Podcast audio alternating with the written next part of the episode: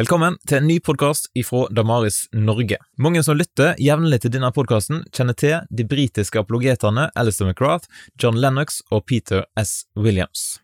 Vi har fått tillatelse til å republisere en intervjuserie med disse tre om deres forfatterskap, med filmskaper Ian Morris fra Charis Production som intervjuer.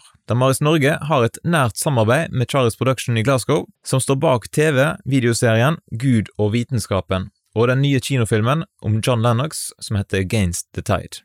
Nå kommer tredje og siste episode med NLA-lærer og forfatter Peter S. Williams, One Man and His Books with Peter S. Williams. God fornøyelse.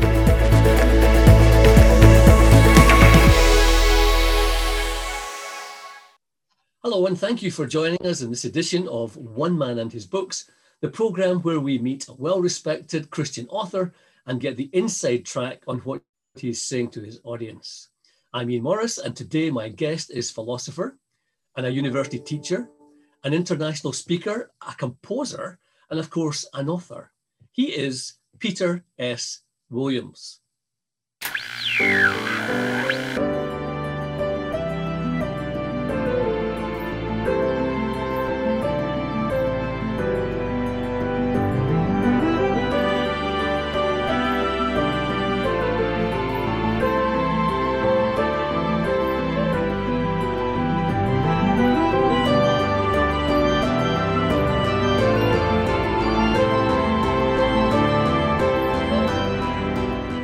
Peter, I'm so delighted that you're able to uh, join us today.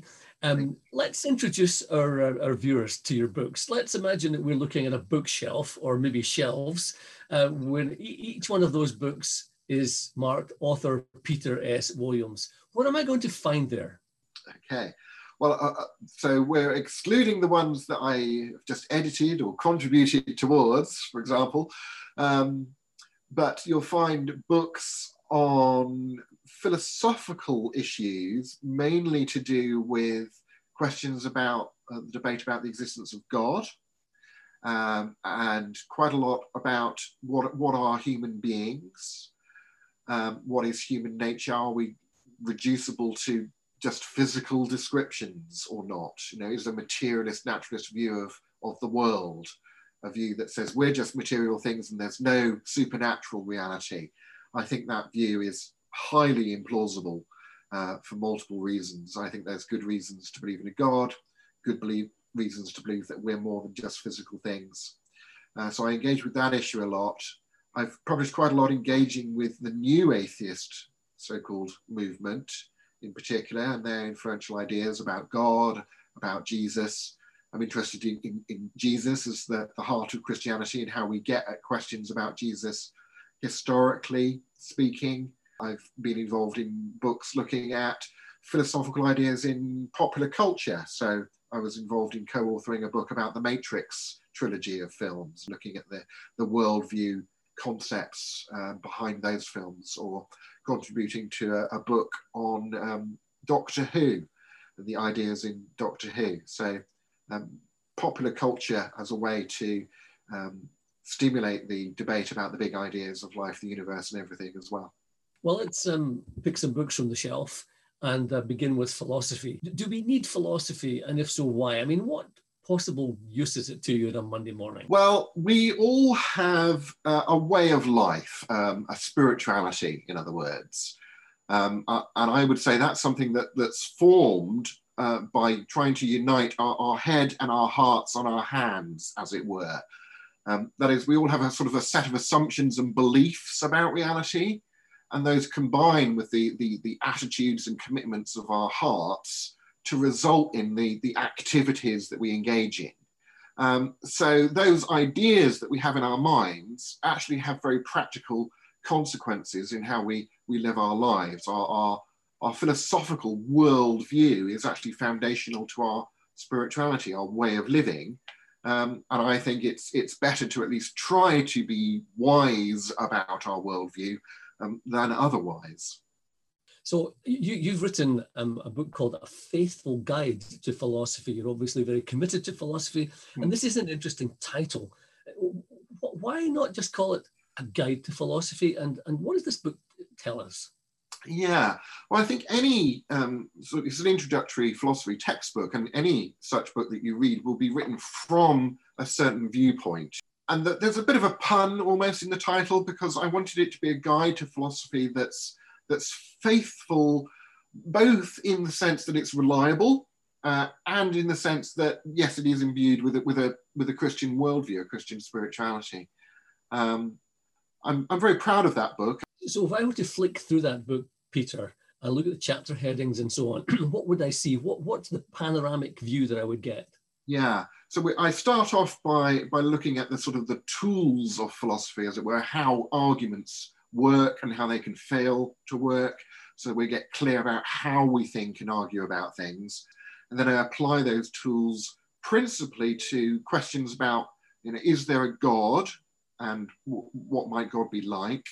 um, and also to questions about human nature. Um, so, is my mind just my brain, or is there more to me than my physical self? Um, do I have um, libertarian free will, the kind of free will that seems to be necessary for us to have moral responsibility, for example? Um, and I also look at, at, some issues like the relationship between science and theology, um, at questions about beauty um, is beauty objective? Uh, I argue that it is, uh, just as much as truth and goodness are objective realities that can be they're things we discover rather than things we just invent. Um, and I look at the problem of evil as well as the, the principal argument against belief in God. So it sounds to me that what you might be describing is something we might call a thinking Christian's agenda. Is that, is that a fair description? Yes, yes, but I think a thinking person's agenda as well, because although I'm writing from a Christian viewpoint, I don't assume that the reader has such a viewpoint um, any more than a, I think an atheist writing an introductory book should just assume that all their readers are going to have an atheistic viewpoint on such a thing. Um, the, the idea is to give the reader the tools to allow them to assess and think about the arguments. Now, there's this um, form of logic in which you've become very skilled and which you communicate about, you've, you've focused it and applied it very much to the idea of atheism, haven't you? And, and, and you wrote a book called A Skeptic's Guide to Atheism, which is very interesting because I thought that it was supposed to be the atheists who were the skeptics. Um, what, what are you saying in that book? And, and how does atheism stand up under the kind of logical spotlight under which you place it? Well, the, a skeptic's guide to atheism I, I, picked that title because often certain sections of the the atheist community try and sort of corral the word skepticism to be their word and describe their position. And we're the skeptics therefore you know people who believe in god are, are non-skeptics. Um, and actually the word skeptic just means to apply rigorous critical thinking critical judgment about things and I think that's something that, that can and should be done with atheism just as much as it should be done with different forms of, of theism. Um, so a skeptic's guide to atheism was an attempt to, to apply the, the rigorous critical thinking tools of philosophy to um, various popular atheistic claims and arguments in a sort of fairly read, readable, popular level um, book. Um, when it comes to the, the new atheists, um, I've primarily, again, drawn on that, that philosophical background of, of logic uh, to point out that the, the mistaken, the fallacious nature of, of many of the, the new atheist arguments. Um, and if you want, I could just give you some examples from perhaps the key new atheist, who was uh, Richard Dawkins, probably the most famous member of that group. Um, so his kind of key uh, objection to the idea that God might be the best explanation for the for the life permitting structure of reality. Um, this is kind of his key argument in books like The God Delusion, for example. Um, is he'll say that look, a, a God who's able to design the cosmos must be a complex being, but it makes no sense to explain anything by appealing to the existence of something else that's not simpler than the thing you're trying to explain. Okay. Well, this objection is just obviously flat out fallacious. I mean, the, the principle it, it, that you can't explain anything by appealing to something that's not simpler than the thing you're trying to explain. That's obviously false because it obviously makes sense to explain Dawkins's argument by reference to Dawkins's existence. Yeah, even though Dawkins is clearly more complicated than the argument that he makes. So to be consistent with his own kind of rule of explanation here, Dawkins would have to believe that his own argument wasn't something that he had caused to exist, which is, which is just a self-contradiction. Atheism, or new atheism as we sometimes call it, seems to wind up your spring, right? It, it does a bit because you know there, there are much more rigorous uh, uh, examples of atheistic thinking out there. Now, the, the new atheists are, in a sense, the, the kind of atheists that make other atheists put their head in their hands. Um, and you know, as, as, Christians, of course, we have members of the of the Christian community who um, have a similar effect on us. Um, and it's not really fair to critique a, a, a viewpoint just by focusing upon the um, the less rigorous representatives of that viewpoint. But on the other hand, the new atheists have been very influential, culturally speaking, and have affected a lot of people's thinking. Uh, and therefore, they do need to be um, replied to in, in the public sphere. So I have to ask you then, which of the atheists most commands your respect? Yeah, well, I think um, contemporary atheist philosophers um, like Wielenberg, um, Schellenberg, people whose names end with Berg often seem to be quite, quite, quite good. Uh, would I still disagree with them, of course, but I think they make more subtle, more interesting mistakes in, in their arguments. Or indeed, I think there are arguments for atheism that I would say maybe that argument has some weight to it, but just not enough weight to convince me that atheism is true when I'm also sort of weighing in the balance all of the reasons for believing in God uh, as well. So, talking of alternatives, I guess with your outgrowing God with a question mark, you're offering a very stark alternative to Dawkins' outgrowing God without a question mark.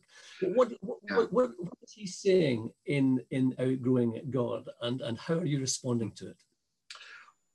Okay, well, as I say, I'm, I'm responding to it. He, his Outgrowing God is kind of, uh, it's being described as a sort of young adult edition of the God delusion. Uh, it's not exactly the same in material, but it's the same, same kind of, of, of, of area and topics and he's writing for, I would say, a sort of college or undergraduate audience. And I wanted to write for that same audience with a with a direct response. And I wrote it in this dialogue form between characters in a, in a student book group, book club, um, so that I could represent sort of different atheist views, an agnostic view, a Christian view, and I have a, a philosophy pro- professor who's just sort of convening uh, the club, playing the sort of neutral uh, role. And Dawkins says a lot of different things, of course, in that book, but I think it's, it's fair to say that his kind of central and opening point is that young people really need to question and think carefully about their religious beliefs, not just blindly accepting what they've been taught by their parents or their community. And actually, that's a message that I'm very happy to endorse uh, as both a Christian and a philosopher, um, as long as it's applied even handedly and, and fairly and equally to non-religious beliefs as well as to religious beliefs. Um, and unfortunately, Dawkins kind of undermines his own key message there uh, about you know thinking for yourself and not just believing things on authority um, by then making a lot of assertions in that book on his own authority without giving his readers any evidence for the assertions that he makes. Uh, there are no footnotes, there's no bibliography. Um, he, you know, he will mention scholars whose work that he's talking about, um, but he doesn't equip readers with the tools to help them assess his assertions, logically speaking. Uh, he doesn't really give them the wherewithal to go and, and uh, follow up material in, in, the, in the standard sort of scholarly way. And I know he's writing at a popular level, but so am I in, in my response. And, you know, I have footnotes and bibliography and so on. Interesting point, actually. I mean, it seems to me in our culture, which always seems to be in a hurry, that we're quite susceptible to assertions because we don't really have time to check out the evidence. And so we rely on the word of experts um, to, to, to tell us you know what they've discovered and I'll, I'll, take it from them because because they know so assertion becomes one of the great dangers of our age yeah but the, the thing is i mean you know an expert's opinion should carry more weight with us i think than a non-expert's opinion. When the opinion being expressed is in the field of that person's expertise.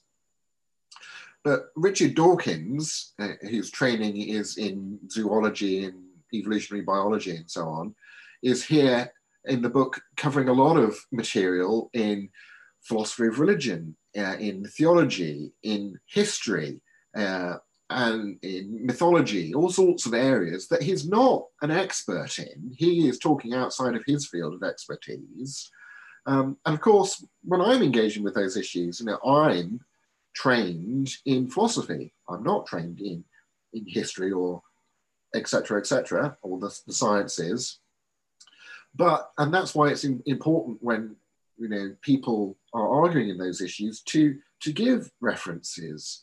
Um, it's important that I did things like my, my, my chapter where I engage with Dawkins on his arguments about evolutionary biology. I farmed out that chapter for, for peer review from people whose expertise was in biology uh, to comment on that chapter, and I revised that chapter in like several different uh, academics' comments upon that material because I knew here I'm stepping outside of my expertise.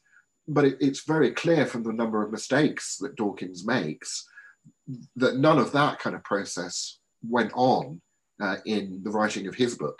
Now, you're obviously following in the path of one of the great uh, Christian apologists, uh, C.S. Lewis. You've actually written a book called Lewis versus the New Atheists which is about what what um, Lewis might respond. Mm. How how would you know since he never met new atheists? Yeah, well, this is very interesting, and I, I had that that very question when the, my publisher approached me and said, you know, we, we we're interested in you writing a book for us on C.S. Lewis and the New Atheism. And I can, I can, I thought, well, I can see why you'd want to jump on both of those bandwagons at once because both of those topics bring in an audience for a book, and combining them sounds really interesting. But you know, is there an organic link here? Uh, so I took a while thinking about it, and actually it struck me that that, for example, Dawkins and, and actually many of his fellow new atheists studied their terminal degrees at Oxford University. And uh, they're only a sort of in, an intellectual generation or two on from Lewis, really. And they studied their terminal degrees under professors uh, who were um, contemporaries of Lewis in Lewis's day. Um, and actually, far from being new, a lot of the, the thinking of the new atheist are, is heavily influenced by ideas that were promoted in the early 20th century by professors at Oxford who were Lewis's contemporaries. So, for example, um, Lewis was a contemporary of a British philosopher called A.J. Ayer, um, uh, the, the, Oxford philosopher who, who for a time um, promoted uh, and now defunct, but at the time very influential um, understanding of how we know things called verificationism, um, which turned out to be an overly narrow understanding of how we, we can know things. Uh, and the new atheists are very influenced by this kind of narrow philosophical understanding of knowledge that, that is influenced by folks like A.J. Ayer. Um, and, and that kind of um, sets the agenda for a lot of the things that they say but it's something that Lewis himself rejected and argued against at the time, back, you know, when he was a contemporary of Ayer at Oxford. Um, so, in a sense, Lewis uh, pre refutes a lot of the ideas that the new atheists are influenced by because they're ideas from atheists uh, who were at Oxford in the 30s and 40s and 50s. Do, do you sense that the uh, new atheist star is uh, receding, falling from the sky, or, or is there a big cultural legacy there? I think there's a big cultural legacy there. Books are still out there, they're still adding to them, they're still being read by people, they're still being influential upon people. I think they did have an influence on the culture. Uh, and um, their legacy is there, their ideas are still out there and still needing to be engaged with. And, and clearly, when still when Richard Dawkins publishes a, a new book, there's a fair amount of, of media appearances, and he was interviewed by Channel 4 News, and there were reviews in, in major magazines and so on. So um, they can still uh, attract attention to their ideas. And whilst that's the case, whilst their ideas are out there and having uh, the, the influence that they have, um, I'm interested in putting a, a counter view. Peter, when you're not hounding the new atheists for their lack of logic, uh, you're doing some digging into the life and character of, of Jesus. And two of your um, recent books are so interesting in their, in their titles Understanding Jesus and Getting at Jesus. And it sounds very much as if you're digging under the surface and looking to reveal something to us. Tell us about those books, if you would, please. Yeah, sure. Um, absolutely. As I say, I'm, I'm not a professional historian or theologian, but uh, coming at this from a, a philosopher's point of view. Um, and that's okay, I think, so long as I've um, done a lot of reading uh, around the area. Um, and um, actually, the, the so called quest for the historical Jesus has in recent years become an interdisciplinary quest because it really is a, an interdisciplinary quest, and different disciplines bring different parts of the puzzle. Um, and in arranging those parts of the puzzle together and, and looking at the really foundational questions, you do have to deal with philosophical issues. Understanding Jesus had the, the subtitle Five Ways to Spiritual Enlightenment. And then I wanted to, to put the quest to understand Jesus in the context of, of the role that it seems that he thought he should play in our spirituality. And, and getting at Jesus, again, a bit of a pun in the title, uh, talking about what the new atheists say about Jesus in particular.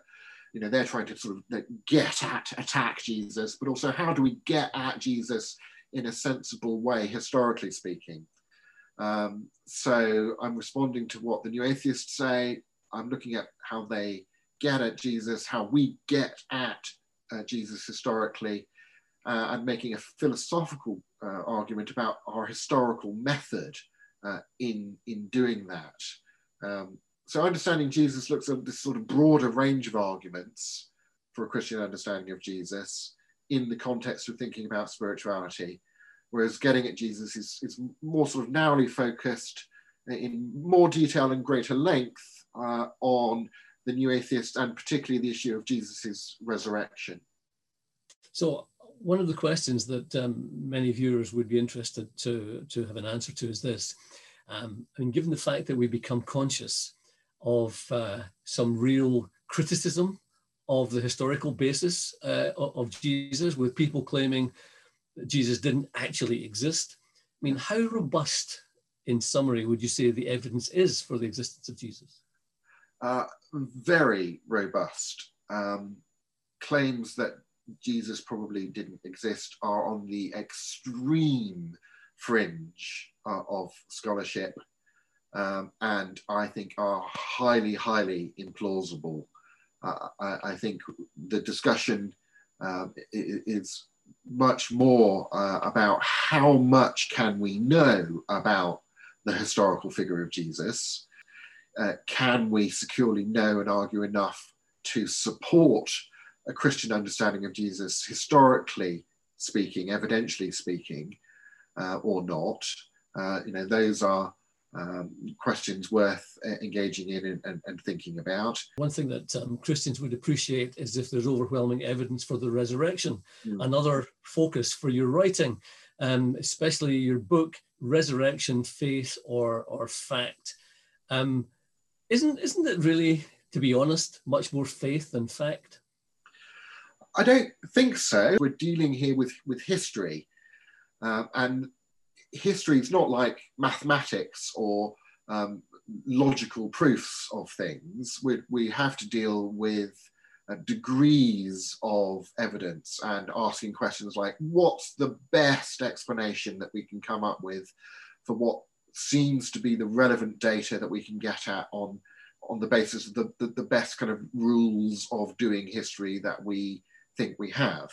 Um, and on that basis, I think there is a strong case uh, for the resurrection of Jesus if you don't approach the evidence already thinking, for example, that, well, you know, it's impossible for God to exist, so therefore miracles couldn't possibly happen. And what, whatever happened to Jesus after his death, it couldn't have been a resurrection.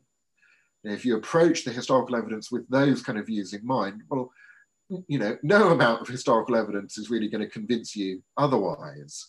But if you're at least open to the possibility that maybe something miraculous could have happened and could be accessed through historical evidence, and I think you can argue the case for that well, then I think we can get at um, some well established historical data for which the, the best explanation really does seem to be the one that Jesus' disciples gave, that, that to their to their shock and surprise, you know, completely kind of overturning their, their view of things, uh, Jesus rose from the dead on the third day. Yeah. So, how convinced are you by the evidence? Yeah, well, I, am convinced. Um, I think there's a, a good case uh, to be made for it. That's something. Uh, this this um, Resurrection Faith or Fact book is actually a, a debate book uh, between um, an atheist called Carl Stecher and a Christian New Testament scholar called Craig Blomberg. they'd had a couple of um, uh, spoken oral debates on university campuses and decided they want to publish a book together. Uh, and uh, Carl contacted me because we'd, we'd had some, some contact over the years about the project and sort of brought me on as the, the uh, Christian commentator on the debate. And then Carl brought in um, uh, Richard Carrier as an atheist scholar to be the atheist commentator on the debate. Um, and also, as far as I'm aware, this is the only um, debate book on the resurrection that's published by a secular publishing house. As a philosopher, some might find it um, interesting, perhaps strange and unusual, that you have turned your attention in the past to the case for angels, because mm. um, one might say this is a subject on which there's no basis logic and certainly no evidence. And yet Peter Williams wades in what are you saying about angels, Peter? Yes, gosh, what did I find to fill a whole book about if there's no logic or evidence to talk about? Yeah. Um, I mean, obviously, uh, angelology is this area of philosophical theology, is called, has a, has a venerable tradition, and is actually making something of a comeback in contemporary um, philosophical theology as well. My book was, I think, a little ahead of the curve there. I wrote it partially because I was a bit frustrated that the books, contemporary books on angels, seem to either boil down to summaries, theological summaries of what the Bible said, or New Age books on, on, the topic. Um, and I wanted to engage the subject at a, at a more rigorous philosophical level. So I do present a case, as the title indicates, or accumulative arguments for, for angels, and I'm kind of bracketing in and demons as well under, under that heading. Um, but think of it like this here's a sort of synopsis briefly of the book, if you like. The notion that there are unembodied finite minds that exist clearly doesn't fit with a, with a naturalistic or materialistic worldview. But first, while, while naturalism, I think, is arguably an incoherent worldview, there's nothing incoherent about the idea that angels might possibly exist. Okay. Well, secondly, if you think that human beings are the, ourselves, we're finite, embodied, but immaterial minds, that we're not just our, our bodies, um, that we were created by an infinite unembodied mind, by God. So you think there are embodied minds and there's an unembodied infinite mind. Um, and I think there are good arguments for both of those ideas then angels actually start looking not only possible, but quite plausible. Thirdly, there are positive uh, theological and philosophical and experiential arguments for the actual existence of such uh, beings. Um, philosophically, for example, there's um, a, a, chain of being argument. Um, if you think that God has you know, created this world and there seems to be something at sort of every level of existence, as it were, from very simple um, impersonal material realities up through more and more complex uh, realities to living creatures, creatures with, with these embodied minds. And then there's this infinite unembodied mind that created it. And there seems to be this sort of gap there.